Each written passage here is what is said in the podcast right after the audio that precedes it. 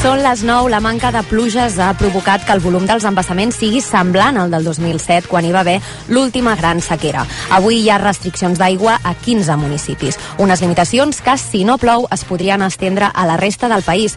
Com a prevenció, el cap de recursos hídrics de l'ACA, Enrique Velasco, ha demanat la col·laboració dels ciutadans. Una part important del consum és consum dedicat al ciutadà. Per tant, el ciutadà pot fer molt, que és tancar l'aixeta. I, bueno, pues tot el que sigui això, no?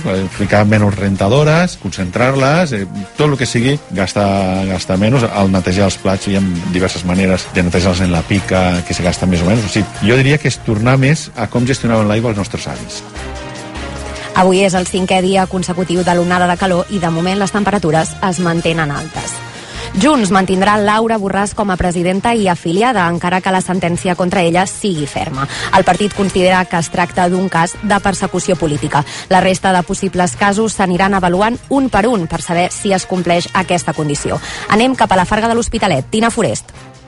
Junts modifica els seus estatuts i introdueix l'excepció de l'OPER també quan s'obri judici oral. La Comissió de Garantia serà l'encarregada de valorar si els presumptes casos de corrupció que vagin sortint formen part d'aquesta excepció o no. Ho ha explicat la coordinadora de la ponència organitzativa, Violant Cervera. Siguet ha traído muchos tripulantes de otras bases de Europa, esquiroles, para operar nuestros vuelos. Todo ello, junto con cualquier otro tipo de infracciones que se están cometiendo en estos momentos, han sido recopiladas y serán añadidas a la denuncia a Inspección de Trabajo. Demà es votaran tots els textos de les ponències acordats durant el dia d'avui i es posarà punt i final a aquest segon Congrés Nacional de Junts a l'Hospitalet de Llobregat. Oriol Junqueras defensa amb contundència la taula de diàleg. El líder d'Esquerra considera que és l'única manera de resoldre el conflicte polític. Ho ha dit a l'acte que s'ha fet aquest vespre a la Campa de Jove, a Sant Sadurní de Noia. D'aquest conflicte polític que estem convençuts que es resol precisament també amb una taula de negociació. I no ens deixarem intimidar per ningú. No ens hem deixat intimidar per aquells que ens han tancat a la presó, ni tampoc ens deixarem intimidar per aquells a qui els hi fa mandra defensar els drets d'aquest país. Junqueras també ha dit que cal teixir aliances amb el País Basc i Galícia.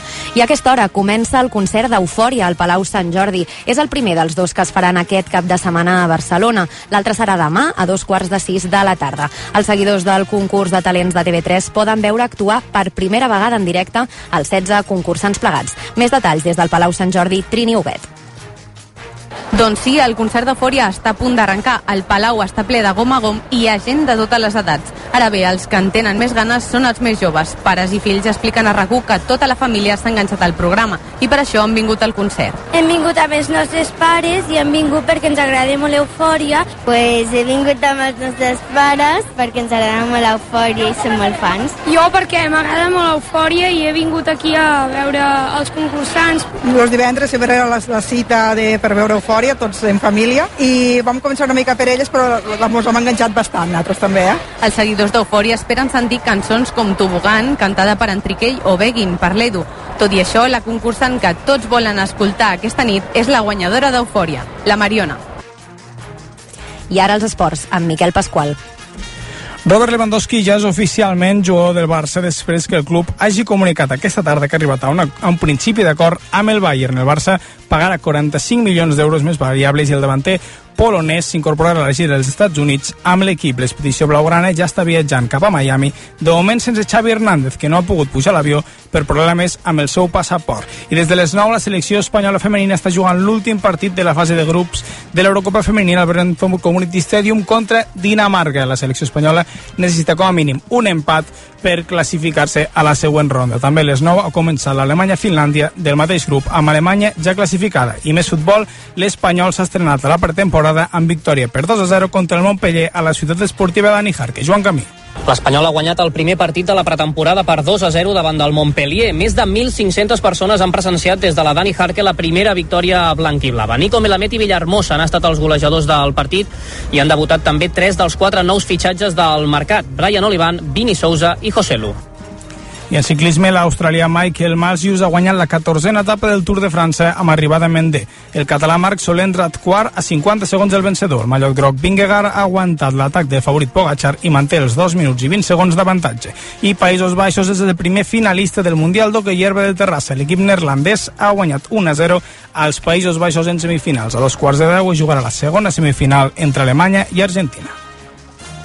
I el temps aquesta nit tornarà a ser molt xafogosa i de mal dormir, sobretot a les grans ciutats de la costa, on costarà baixar dels 25 graus. Gran part de l'interior quedarà per sobre dels 20 graus tota la matinada i demà serà un altre dia d'onada de calor amb temperatures màximes que tornaran a moure's entre els 32 i els 38 graus en general. Puntualment se superaran els 40 graus a Ponent i a la Catalunya central. Tot plegat acompanyat de sol i algunes nuvolades a la tarda al Pirineu.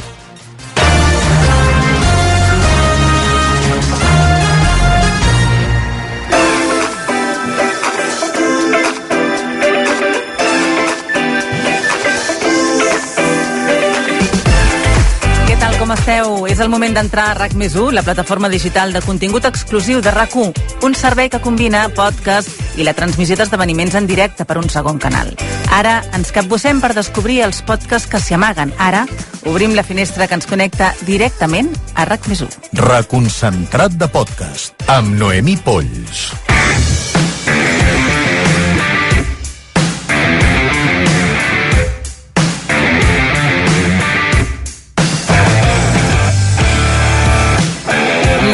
Que ve, concretament divendres 22 de juliol, farà 10 anys dels incendis de l'Alt Empordà, que van cremar més de 13.000 hectàrees.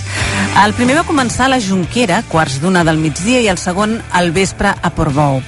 La forta tramuntana, la calor i la baixa humitat van fer que es descontrolessin ràpidament van perdre la vida quatre persones.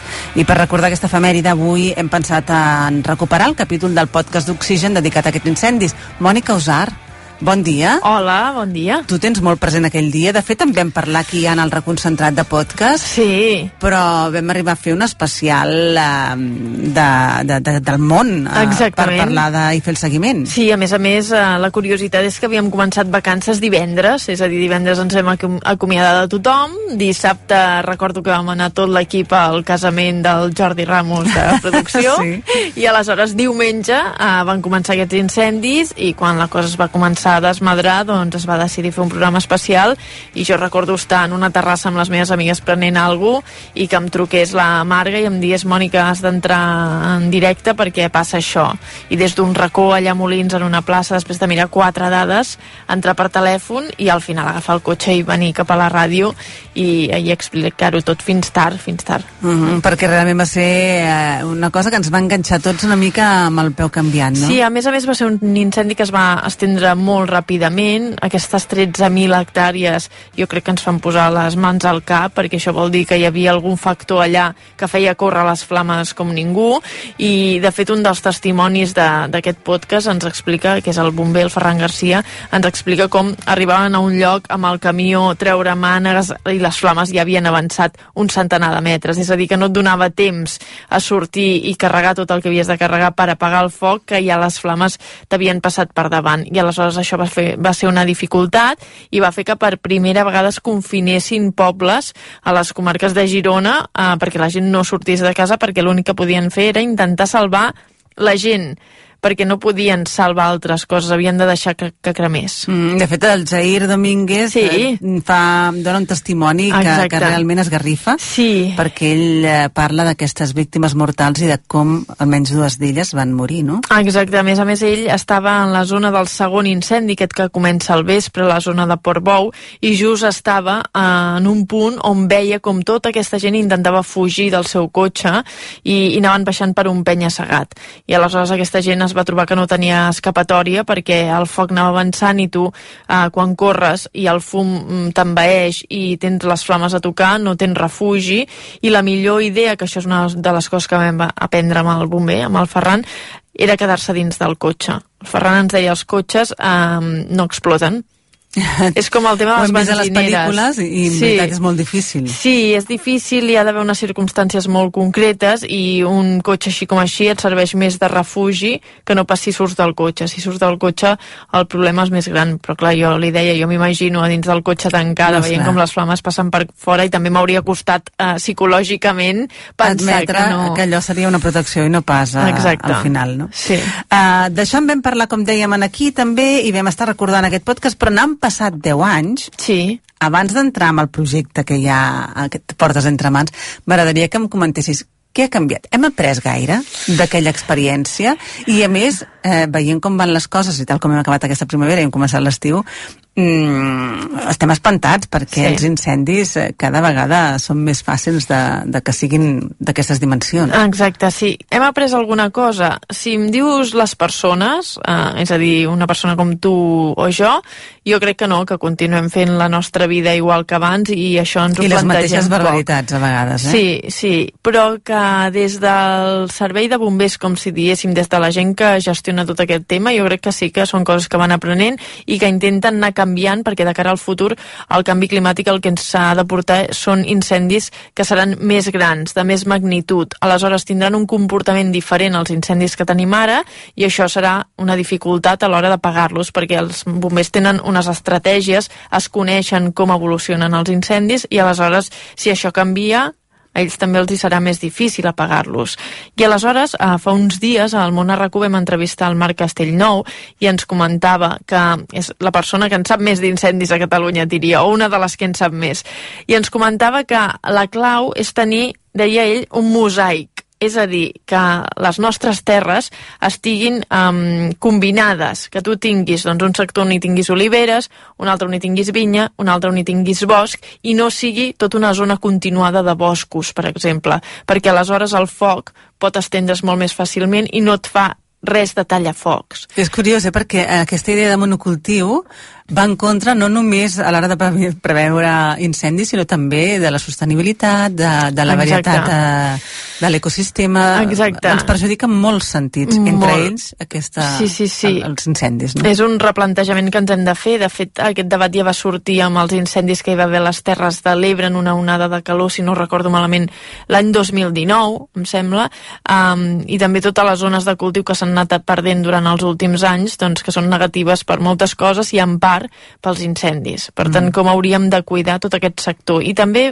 va remarcar la por que tenim ara amb els incendis del Pirineu, perquè com les temperatures van pujant i tu al Pirineu hi tens boscos molt continuats, com se't comenci a encendre això, doncs serà un problema. Potser és una zona on abans no era tan propensa a patir aquest tipus de situacions, perquè les temperatures tampoc eren tan altes, però ara a mesura que anem avançant, això també és bastant encapellà. I després la política forestal, que també Exacte. no segueix el que hauria de seguir, que també se n'han fet reportatges, etc. Sí. Uh, L'altre dia estàveu també al fax. Sí. Parlant uh, amb la Gemma Puig i la Cristina Puig, Sí. evidentment, que ho portava, i, i una altra de les preocupacions també afecten els incendis, és aquesta manca d'aigua, no? És la sequera, sí, La perquè sequera. quan arriba una situació de pluges, llavors respires més tranquil. Quan baixa una mica la temperatura també fa que els incendis doncs, no siguin un problema tan gran. Però, en canvi, si tu tens un augment de temperatura i una falta d'aigua, que és el que ens està portant el canvi climàtic, aleshores les circumstàncies empitjoren pel que fa als incendis. I allà vam comentar molt el tema de la sequera. Vam anar fins al pantà de Sau, vam mirar el nivell que teníem ara mateix, que està cap a un 52%, i vam veure que si d'aquí al mes d'agost pràcticament no hi plou, doncs és probable que puguem arribar fins a l'església de Sant Romà caminant, com havia passat en situacions de, de sequera més extrema. I que això passi ara a principis d'estiu és un problema, perquè encara ens falta tot l'estiu, que és una època poc plujosa, per passar, i llavors aquest nivell el que farà és anar baixant. Uh -huh. uh, bé, ara estàvem aprofundint una mica més, has aprofundit una mica més amb aquest incendi concret, el de l'Alt Empordà, que, com dèiem, va cremar aquestes 13.000 hectàrees, i, i d'aquí potser en sortirà un llibre. Sí. M'agradaria que ens ho expliquessis. Estem treballant en un llibre que intentaria recollir algunes de les històries que he anat explicant a, a Oxigen, sobretot la segona temporada, que ens hem dedicat a repassar episodis meteorològics o, o del que sigui, no? en aquest cas d'incendis o fins i tot de, de volcans, diferents temes relacionats amb la natura, doncs agafar-ne uns quants i estirar-los i anar més enllà i explicar-ne més detalls. Aleshores, hi ha informació que traurem directament de, del podcast, com per exemple aquest testimoni que us deia del bomber del Ferran Garcia, de com va viure aquell dia, també el testimoni d'un meteoròleg o meteoròloga com sóc jo, que aquell dia va viure també molt intensament aquesta situació, i també he anat rascant més i, per exemple, vaig trobar un metge, el Jaume Genís, que és un metge de Figueres, que ell viu a Agullana, i Agullana és un dels pobles que va quedar afectat pel primer dels incendis, el que va començar a la zona de la Jonquera, i llavors ell explica tota la seva experiència d'aquell dia, des del moment en què comença a veure les flames, o el fum, podríem dir, més de lluny,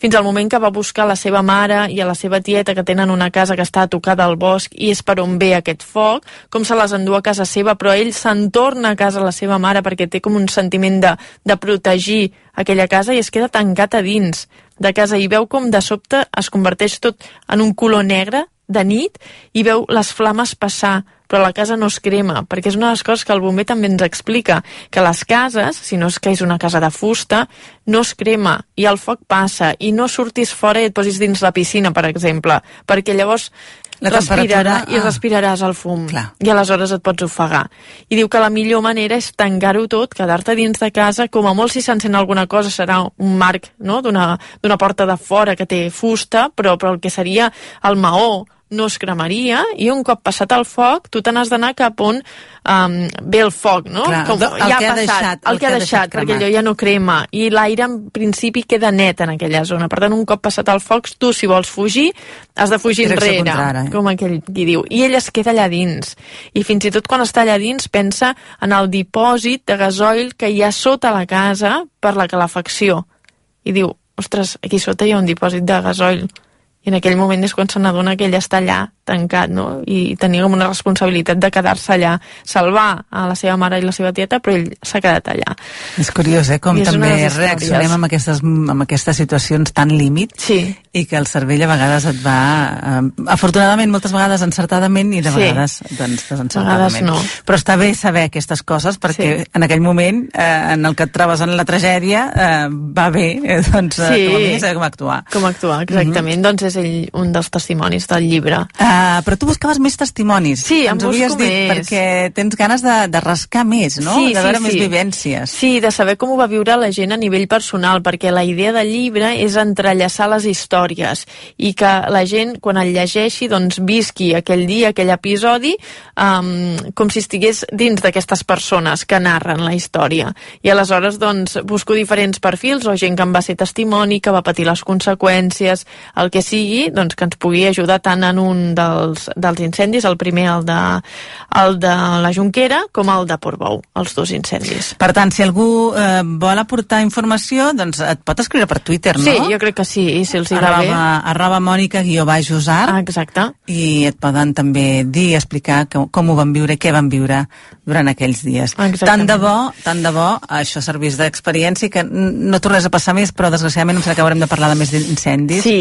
I Jo crec que esperem sí. que amb menys dimensions. Sí, però... forma part també del nostre clima, eh? Sí. Veure zones que es cremen i que es regeneren després i veure inundacions i veure sequeres és el que forma part del clima mediterrani. El que sí que és veritat que s'està accentuant i llavors clar, nosaltres ens hem d'adaptar a una velocitat que si no ho fem doncs les conseqüències, el que patirem serà molt pitjor. Llavors és més l'adaptació ara que no pas intentar evitar-ho perquè hi ha coses que, que no les podrem evitar. Doncs, Mònica Osar, moltíssimes gràcies. A vosaltres. Que passis molt bon estiu. Igualment. Adéu-siau. Que vagi bé.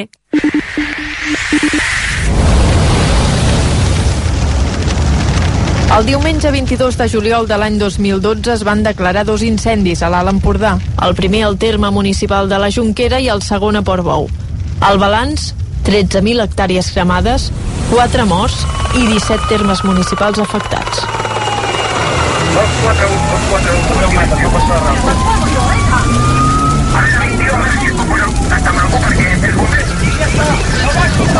Puja, diu que no baixi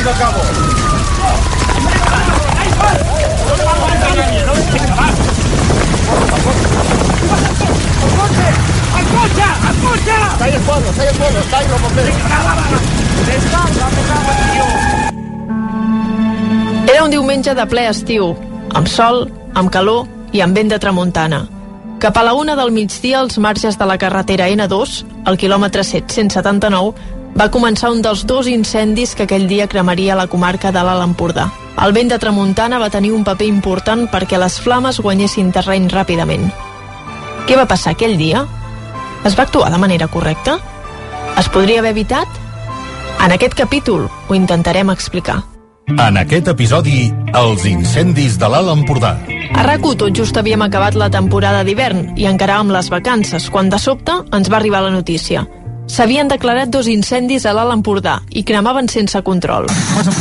Són les 9 i 7 minuts. A aquesta hora comença un programa especial aquí a rac dedicat a l'incendi de l'Empordà.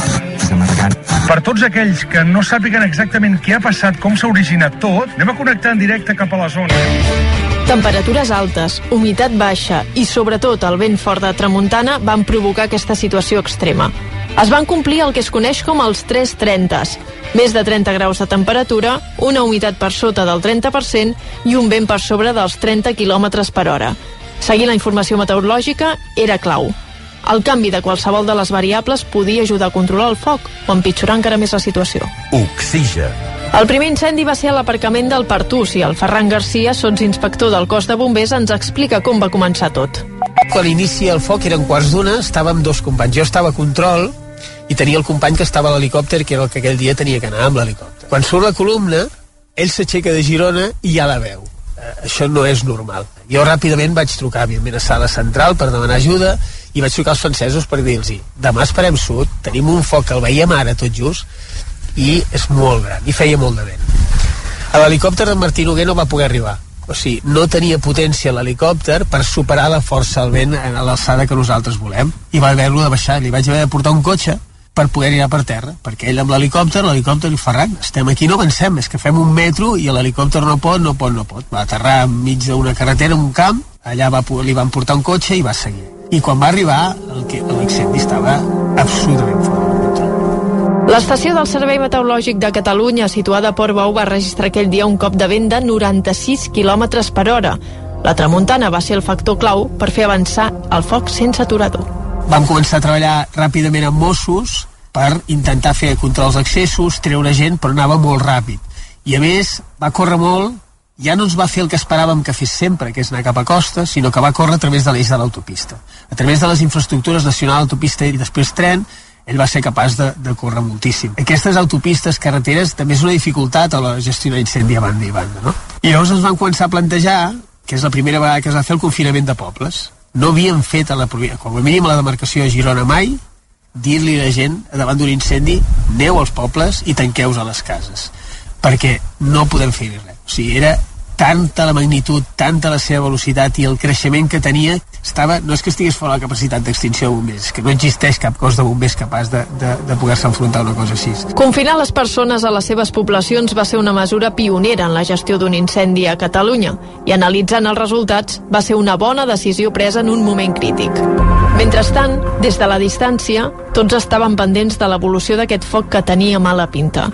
A rac els serveis informatius ho seguíem de prop. La Bàrbara Julba, corresponsal de la casa a les comarques de Girona, quan va veure la gravetat de la situació, es va desplaçar fins al Parc de Bombers de Figueres, que és on hi havia els comandaments de control.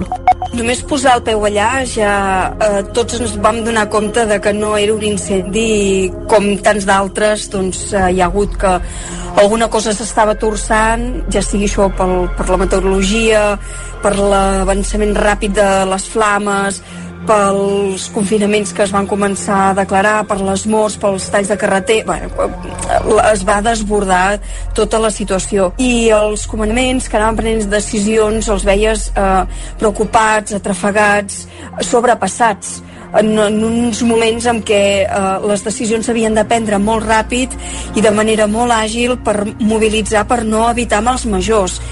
La veritat és que era un nerviosisme que anava més perquè la situació eh, es descontrolava a marxes forçades. Des de Barcelona, el Xavi Pérez, periodista i coordinador del món RQ, ens explica com li va arribar la notícia. M'assabento de l'incendi després de dinar, eh, mirant el 324, que hi ha un urgent d'un incendi a Figueres i tal. I recordo algun ja, no sé si era una piolada o una informació que ja parlava doncs, que hi havia gent, si no estava atrapada, doncs, que havia tingut problemes seriosos, fins i tot eh, que corria risc la seva vida. És en aquest moment que el director del programa, el Jordi Basté, diu doncs farem un programa especial, ja ho hem parlat amb la, amb la direcció, i comencem a fer el programa. I qui vulgui venir, qui pugui venir, qui no estigui de vacances, perquè estàvem oficialment de vacances, que vingui.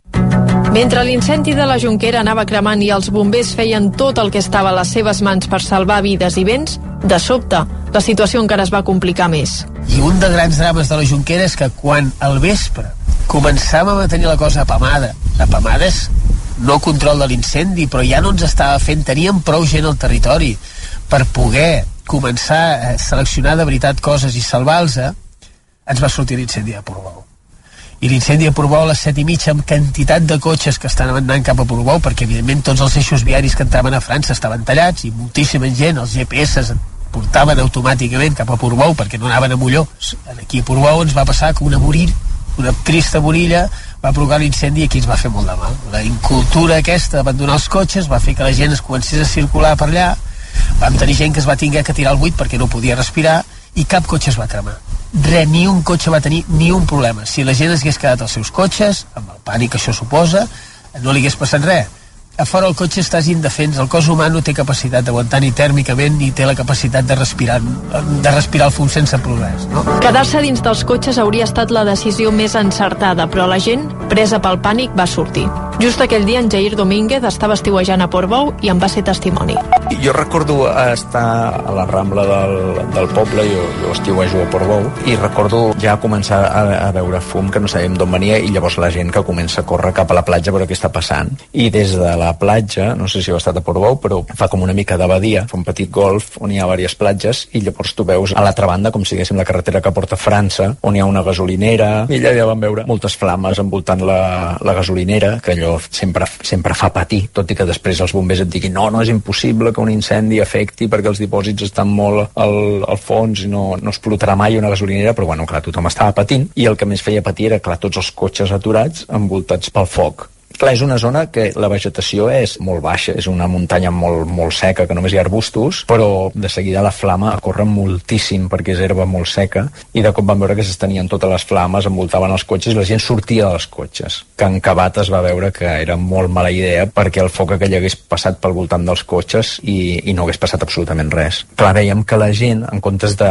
el pànic de les flames, en comptes de seguir la carretera i acabar baixant al poble de manera segura, doncs van començar a córrer com si diguéssim cap al penya-segat complicat perquè és una, és una paret super escarpada i arriba un punt que l'únic que et queda és ja saltar al mar però clar, saltar al mar des d'aquella alçada, que són, deuen ser 20-30 metres, és una bestiesa, però clar, amb el, amb el moment del pànic, del foc, doncs fas coses que no, no, no, ens, no ens podem imaginar el que sents en aquell moment, no? I l'únic que van poder fer la gent del poble és agafar les barques i començar a tirar cap allà, la gent que tenia barques, a veure si podien arribar eh, abans que la gent saltés o dir-los que no ho fessin o que esperessin o, o si algú havia caigut a l'aigua, rescatar-lo, no? I en un d'aquells moments van veure que queien dues persones a l'aigua i, clar, des d'aquella alçada ja a part que hi ha molta roca a baix i saps que és bueno, una, una salvatjada, no? no és una caiguda molt bèstia. Clar, tothom estava espantat perquè no sabies quanta gent seguiria el camí que havien fet aquells dos saltant a l'aigua i no podies fer absolutament res més que esperar. El programa especial fet des de la ràdio acabava de matinada, però el foc estava descontrolat. Veient que hi havia víctimes i que les condicions meteorològiques continuaven complicades, part de l'equip del Món RQ va decidir desplaçar-se fins allà. El Xavi Pérez ens explica el panorama que es van trobar pel camí. Vam pujar per l'AP7 de nit, sols, i de cop i volta tot fosc perquè no hi havia llum, només nosaltres hi havia. Al fons no veia res més que una silueta molt vermella que em va cridar molt l'atenció perquè no era el groc del foc, era vermell, però vermell. I una silueta com si algú amb un rotoló vermell estigués resseguint una muntanya. I de cop i volta, una olor ja que començava a sentir com a fusta cremada, mm, típica de l'incendi, no? però clar, era, sobtava molt perquè tu estaves pujant i tenies com l'incendi molt lluny i, i ja començava a ploure cendra i a més sentir aquesta olor, vull dir que impactava bastant. I a més, tot, no? Te n'anaves tu sol contra, contra allò, que no anàvem a pagar-ho ni a res, però la sensació era aquesta, i, i molt impactant, vull dir que feia, feia una mica de por, perquè, ostres, el que, vull dir, una cosa el que tu veus per la televisió, una cosa el que tu veus per les xarxes socials, i una altra cosa el que et trobes quan hi arribes. I el que ens vam trobar és això, quan vam arribar a Figueres, que és on vam dormir, eh, sí, l'olor de cremat era molt, molt, molt evident i després que depèn de cap on miraves veies el, el, el foc que estava, que estava allà, que no estava a prop d'on estàvem nosaltres, però que tenia sensació amb l'olor i la cendra de, de que no estava tampoc massa lluny i que realment el que havíem explicat era una cosa bastant grossa. L'incendi va continuar cremant i l'endemà tots els diaris de casa nostra i part dels francesos obrien amb aquesta tragèdia. Van ser tres dies de neguit i pèrdues que van deixar una imatge catastròfica. Marxant cap a casa, clar, vaig passar per territori devastat pel foc. Era un paisatge en blanc i negre, era desolador el, el que veiem.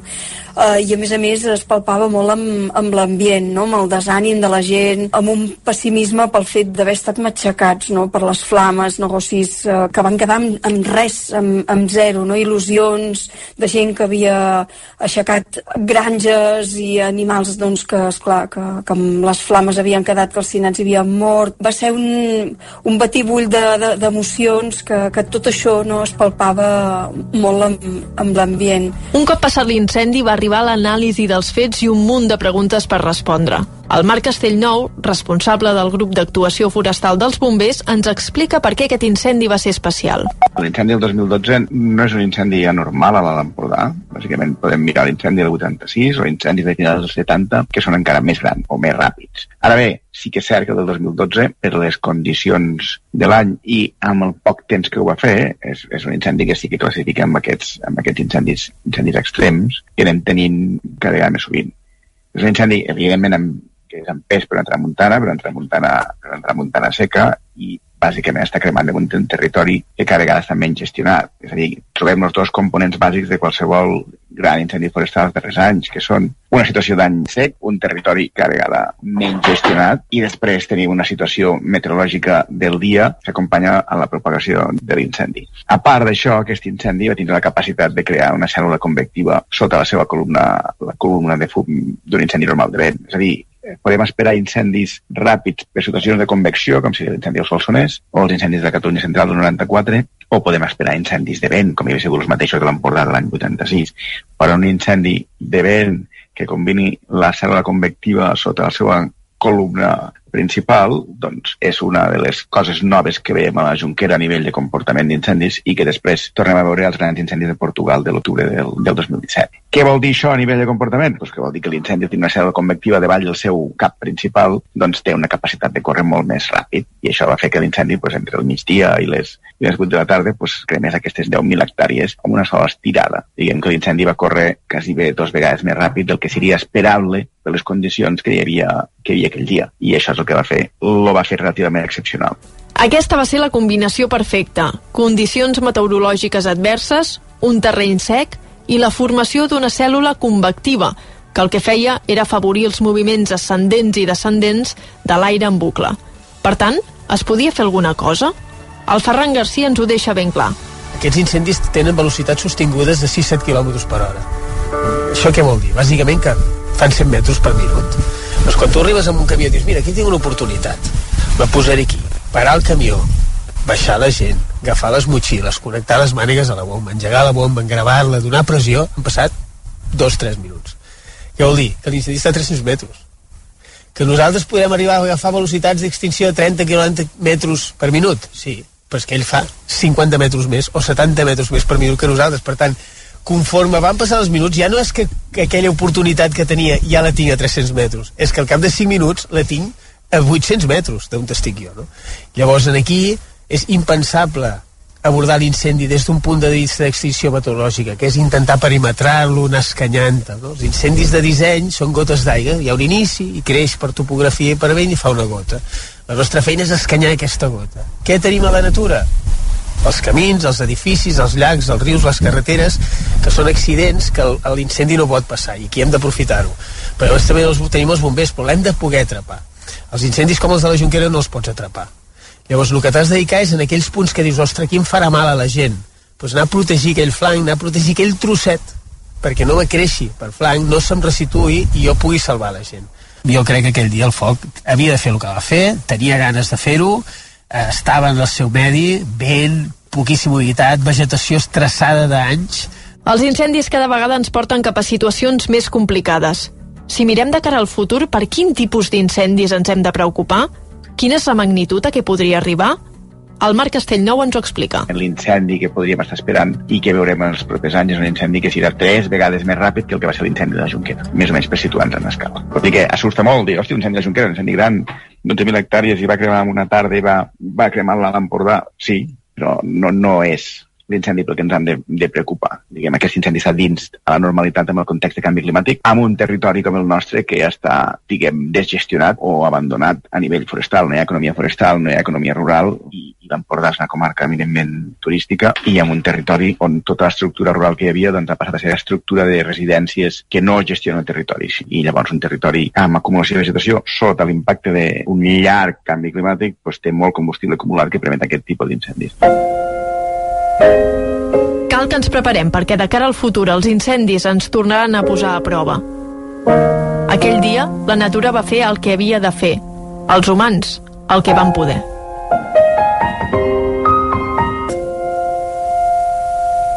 Reconcentrat de podcast amb Noemí Polls.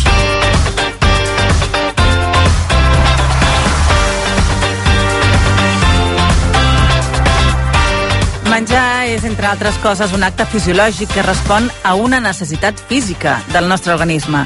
Moltes vegades es menja sense necessitat. El nostre cos té tot el que li cal, des del punt de vista nutricional, però quan tenim la sensació que hem de menjar alguna cosa més, és el que s'anomena gana emocional.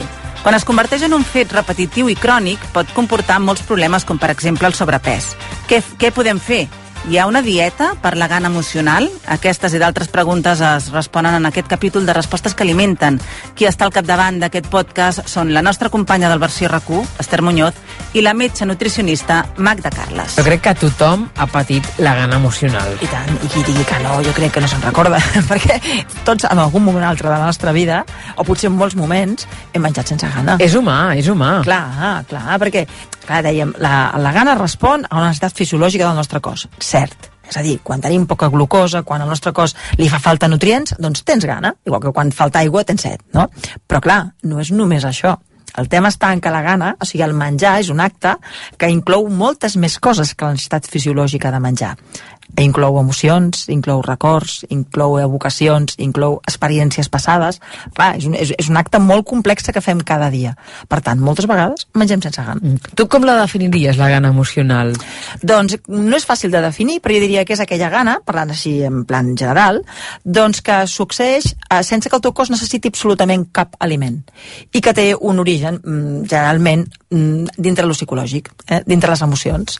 Per tant, no és, no, és una gana que no respon a una carència de res, de fet no tens gana, però tens ganes de menjar. Uh -huh. Hi hauria algun indicador per, per la gent que ara mateix estigui dient jo tinc gana emocional o no? Menjo quan em toca, menjo perquè necessito, menjo perquè psicològicament eh, el meu cervell m'ho està demanant? Mira, una, una manera de, de, de distingir-ho és, quan tu menges perquè et toca, doncs normalment és una sensació de gana que et ve unes hores determinades.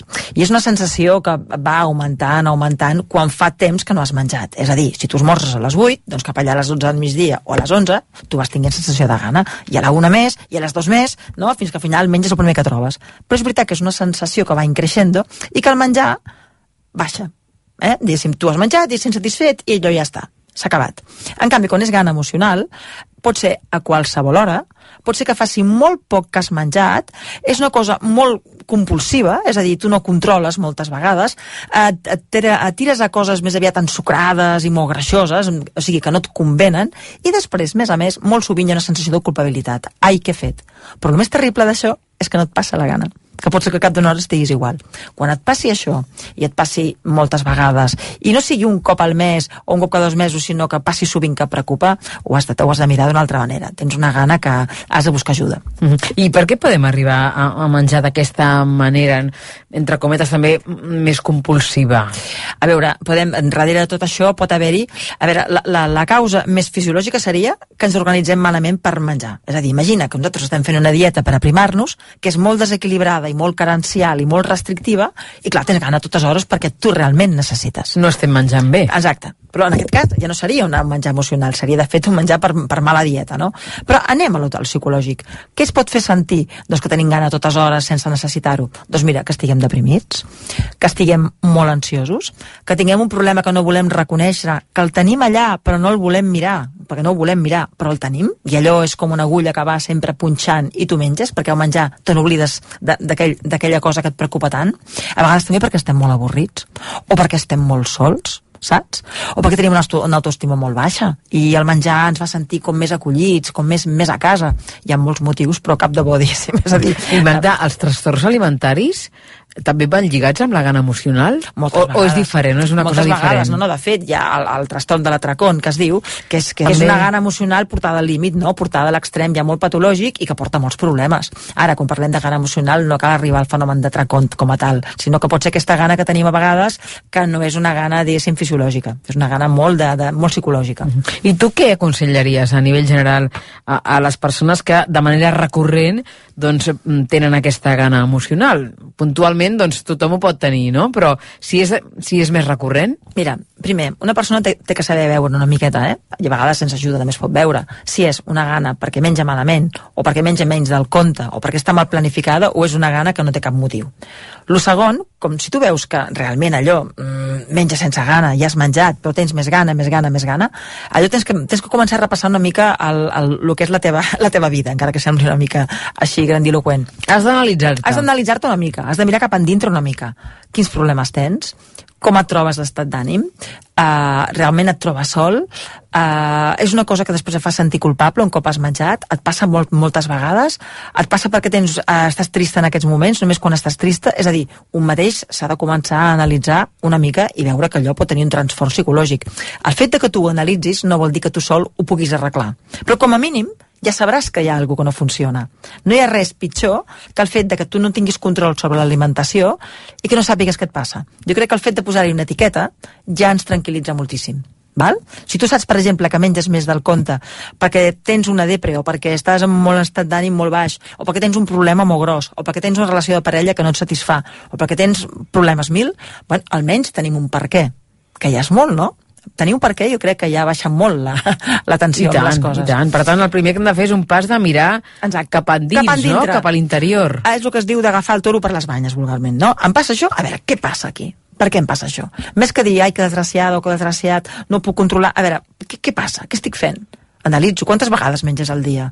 Quantes vegades? Què menges, no? Pues si és moltes vegades, és sense gana i són coses realment plenes de sucres i greixos i tens una sensació de descontrol, aquí passa alguna cosa. A partir d'aquí has de buscar ajuda has de buscar ajuda amb un especialista en nutrició i possiblement també amb un psicòleg. És així de, és així de clar, eh? Això no vol dir que tots els casos siguin tan greus que necessitis tanta ajuda. A veure, si tu mateix estàs en una època d'exàmens o el teva parella estàs malament o tens un problema molt greu familiar o mal a la feina, també és lògic que mengis una mica més.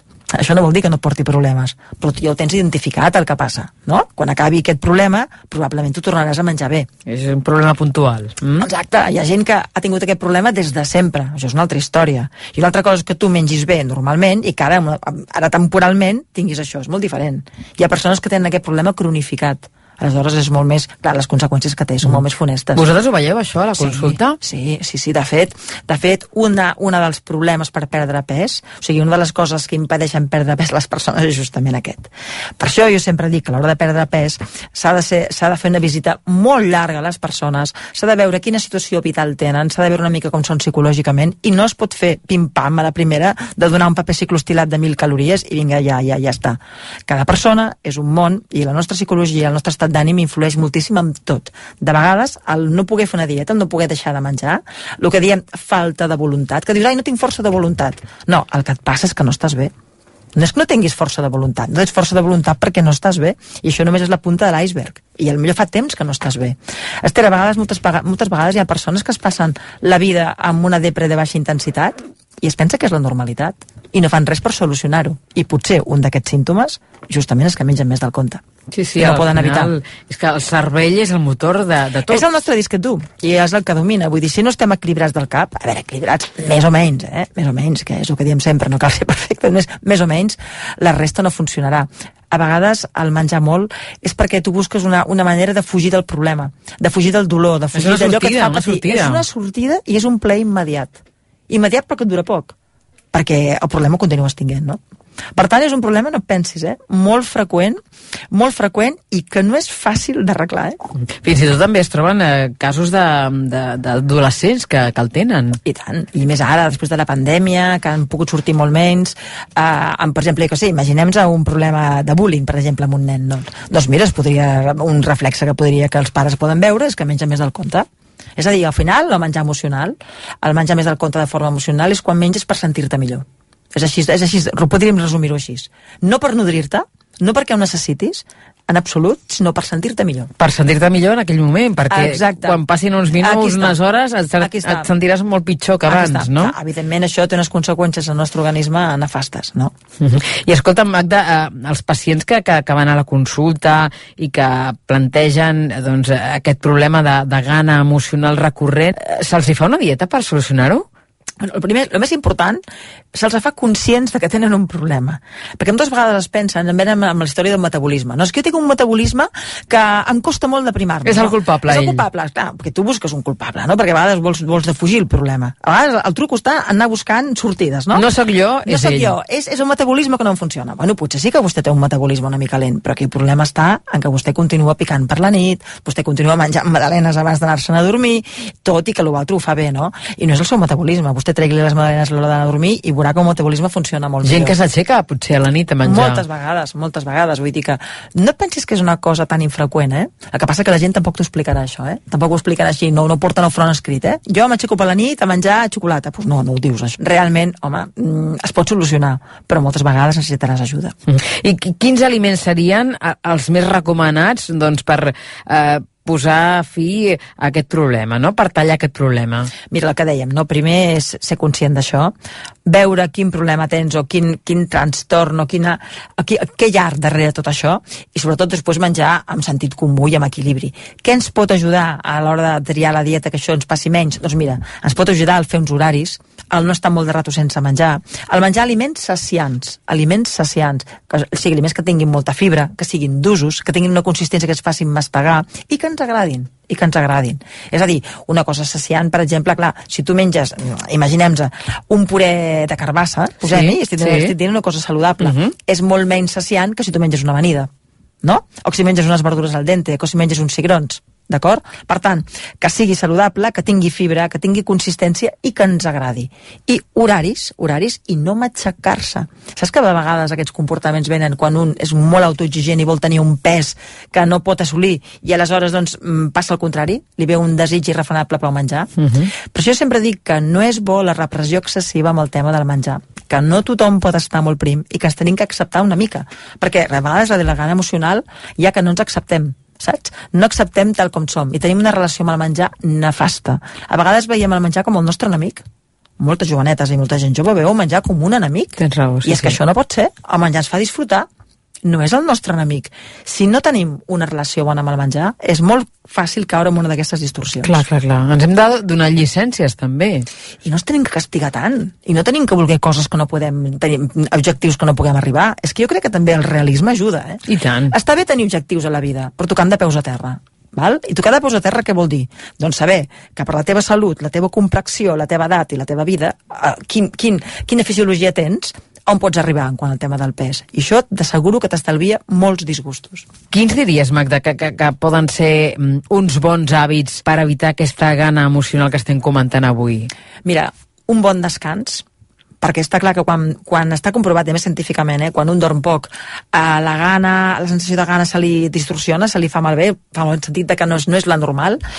Per tant, un bon descans, uns horaris regulars de menjar, un ambient del menjar que no sigui tensional, eh, no, sisplau, no mengem davant de l'ordinador, davant de les pantalles, que és, que és trist això. Jo quan vaig al restaurant i veus que la gent menja sola i es posa el telèfon allà, tac, tac, tac, o, o veu... Escolta, no, no, no, no podem estar per un moment Hem de relaxats. desconnectar. No podem estar mirant, no sé, l'aire, eh, sense pensar res. Que difícil, eh, que difícil. I, per suposat, també agafar aliments que siguin adequats. El que et deia, la sacietat, beure aigua, menjar a poc a poc, coses que es tinguin que mastegar, coses sobretot que ens agradin. Disfrutem menjant, disfrutem menjant. Escolta'm, i si cal, Esther, tècniques de relaxació i, i, i, i iogues, tai chi, tot això, mindfulness, tot això, respiracions, el que ens calgui. També el que ens ajuden, calgui, eh? Evidentment que sí. De fet, això ajuda quasi tot, eh, la salut. Però és que anem molt accelerats. A vegades entrem a la taula com si entréssim, no sé, a buscar el cotxe en un pàrquing quan ja són les 12 de la nit. I no pot ser. I ho sabem, en som conscients, però, Però no clar, ho fem, estem, estem en no ho un fem. cercle que és un cercle viciós i, i és molt complicat sortir d'aquí. Te recordes que un dia comentàvem, Esther, que és bo fer un KitKat entre mig del dia, que Sí, s'ha de sí. parar, Sí, sí. la famosa siesta que la gent a vegades se'n riu, de fet és això, és parar durant 20 minuts, desconnectar el teu cervell i se sap que té quantitat d'efectes beneficiosos i se'n burlem una mica d'això però al fons qui ho pot fer té molta sort eh? I tant, sí, sí. I, i els fàrmacs? Això ja s'agafa quan, mira, si per exemple amb una gana emocional que porta una obesitat hi ha evidentment una gran depressió arribarem al fàrmac, si cal, només faltaria. Els fàrmacs hi ha vegades que s'han de fer servir. Eh? No, no, no és, no és que tot, hagi, tot s'acabi amb un fàrmac, però hi ha vegades que són imprescindibles. Però, evidentment, serà per casos molt, molt puntuals i per casos que són molt greus. Jo penso que el que és més important, saps què és, Esther? Saber que això pot existir. Estar informats d'això. I pensar si nosaltres no tenim aquest problema. Ser conscients, conscienciar-se de com mengem nosaltres. Per això va molt bé, i això ho he dit també moltes vegades en aquests podcasts, eh, escriure el que mengem. Anotar-ho tot. Anotar-ho tot, que dius, això no em farà estar encara més pendent del menjar? No, temporalment, només com a revisió durant una setmana. Mira després aquella setmana que has menjat. És que et quedaràs molt parat o parada. Clar, clar, quan ho vegis veus. tot per escrit... Sí, veuràs tu amb el que piques, eh? Sense fer-se trampes, eh? O sigui, menjant, di, eh, escri- escrivint tot el que estàs menjant. I veuràs quines sorpreses t'emportes, eh? Una cosa és el que pensem, l'altra cosa és el que fem, eh? Sí, sí, sí, sí, està claríssim. Has parlat de, de diverses coses interessants, has parlat de, de gana, de societat, de satisfacció, i justament aquests dies han, han aparegut alguns eh, articles a la premsa, eh, un en concret eh, que hem llegit que es titula Contra la cultura de la dieta, què és l'alimentació intuïtiva? Eh, expliquen, per exemple, que l'alimentació intuïtiva doncs, critica la restricció alimentària, la moralització dels aliments i que proposa doncs, tornar a una ingesta regulada per la gana, la sacietat la, i la satisfacció. No? Què, què n'opines tu d'aquesta alimentació intuïtiva? Que en part, que en part tenen raó, només en part. Uh, quan dius s'ha de tornar a, a, a, no tan restrictiu, tornar a la intuïció pel menjar, doncs sí, doncs sí, perquè si ens escoltéssim més, de vegades doncs pararíem abans de menjar i menjaríem segons quines coses. Però no hi estic d'acord del tot, perquè, a veure, nosaltres no tenim el cervell d'un animal que sap perfecte... Mirem la selva, per exemple. Tu has vist algun lleó que tingui obesitat? No. Alguna girafa que estigui No, gorda? no, no, no, eh? ni una. Va, aleshores, què passa? Nosaltres tenim les circumstàncies de vida, tenim un entorn, tenim uns records, tenim un cap molt més, molt més potent, no? molt més complexa. I això fa que el menjar no es pugui guiar només per lo intuïtiu. M'entens? Lo intuïtiu pot tindre un, un pes, però no és només lo. Ara, estic d'acord en que el tema de les dietes, i aquí n'hem parlat moltes vegades, no és el millor. És, és a dir, una cosa és dir dietes per un diabètic, que dius, val, pues el que el senyor necessita, però la restricció excessiva jo sempre ho he dit, porta la compulsió pel menjar. Per tant, eh, torno a dir el que he dit abans, ens tenim que mentalitzar de que no tothom pot estar com els models que ens posen avui en dia. Sí, sí. I que tenim que tenir una relació bona amb el menjar. I que el menjar és plaer, i això no, ho- no ens ho podem negar, no ens podem castigar d'aquesta manera. El càstig excessiu porta a l'explosió, al final, saps? Porta al desequilibri. I això ens ho fem, perquè volem assolir no sé quin objectiu. És absurd, això. Sí, sí, sí. De fet, eh, això que tu comentaves, no? aquest concepte d'alimentació intuïtiva eh, és un mètode contrari a les dietes, al control alimentari, i es basa doncs, en respectar el cos, en escoltar-lo i en connectar-hi, que és una miqueta el que sí, sí, hem sí. comentat avui. Sí, sí, sí. Jo sempre dic, a veure, quan tu, encara que tinguis que perdre pes per salut, que tots tindríem que perdre pes per salut, no per estètica. Sempre ho hem dit, això, no? Passa que, clar, òbviament l'estètica és un valor, eh? No vull menysprear el valor de l'estètica entre nosaltres, però tots tindrien que perdre pes per salut i no perquè estem obligats, perquè ens obliguen a estar prims. Això ja és, això ja és una actitud que ja seria diferent. Quan una persona, per exemple, aquestes noies de 20, 18 anys, es veuen com obligades a estar primíssimes perquè són els cànons actuals, quina llàstima, no? Quina llàstima aquesta pressió sobre el seu cos. Per tant, el primer, una bona relació amb l'alimentació, uh, voler perdre pes i voler menjar millor per sentir-se millor, no per un cànon estètic, i després, per suposat, home, uh, menjar amb sentit comú, pel que tu necessites, però també pel que t'agrada, i no castigar-te i no treure el que realment t'agrada molt. S'ha de buscar l'equilibri, que Exacte. normalment no és, no és ni blanc ni negre, m'entens? Correcte. Jo crec que ni tot és intuïció, el que vulguem, venga, venga, ni tot és la, la norma. És un terme mig. És un terme mig, com en tantes coses, no? Un terme mig que cada un tindrà el punt en un lloc diferent. Però que està clar que quan més informats estiguem, més fàcil serà agafar aquest terme mig. No l'agafarem si no tenim un equilibri mental, per això, eh? Tema. Reconcentrat de podcast amb Noemí Polls.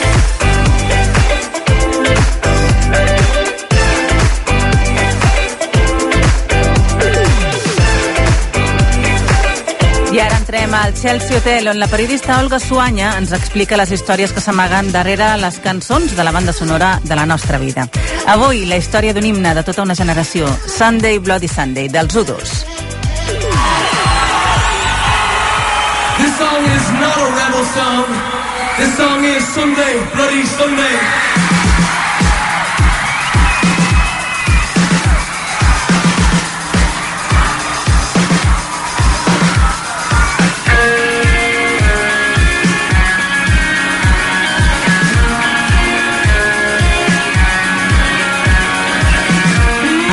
Gener de 1972 és un dels dies més foscos de la història del conflicte d'Irlanda del Nord.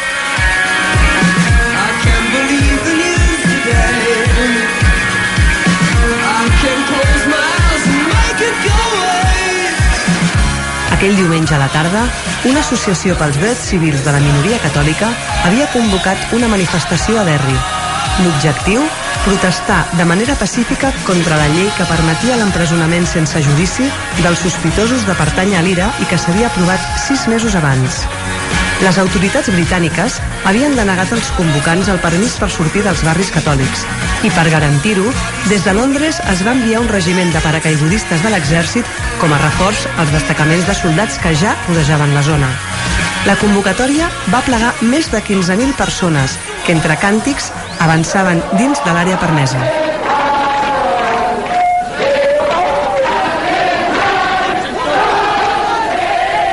Però enmig de la marxa, un petit grup de manifestants aïllats del nucli principal va començar a llançar pedres contra les barricades que marcaven els límits del barri.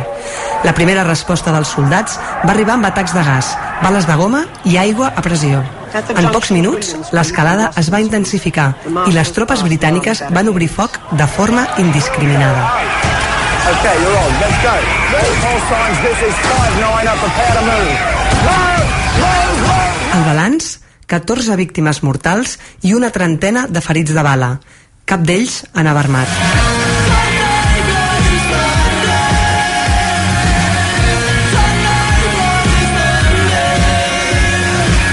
Tràgic episodi va passar a la història com el Bloody Sunday, diumenge sagnant. I el 1983, la banda irlandesa U2 va decidir recordar-lo en una de les cançons del seu tercer àlbum d'estudi i que van titular War, Guerra. Bono ha defensat sempre que Sunday Bloody Sunday no és una cançó de posicionament polític en el conflicte irlandès, sinó que expressa el dolor, la ràbia i l'horror per les morts d'aquella jornada.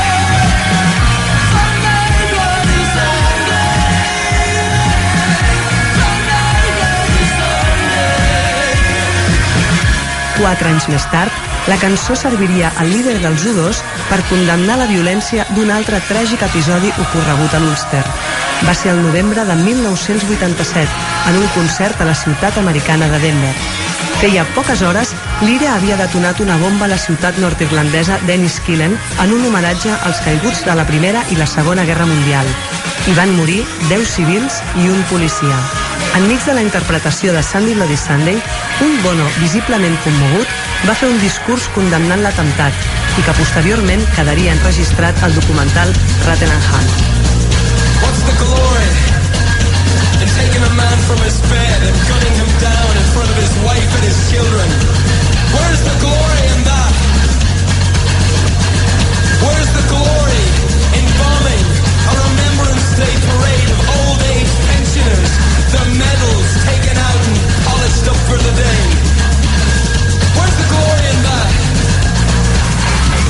Massacre de l'Ira d'aquell dia, que també era diumenge, va generar crítiques a nivell polític i civil dins i fora d'Irlanda. Va convertir-se en un dels punts d'inflexió que afavoriria que s'encetessin les negociacions entre Londres i Belfast per poder posar fi al conflicte irlandès. Un objectiu que s'assoliria el 1998 quan irlandesos i britànics van segellar la pau amb l'acord de divendres sant.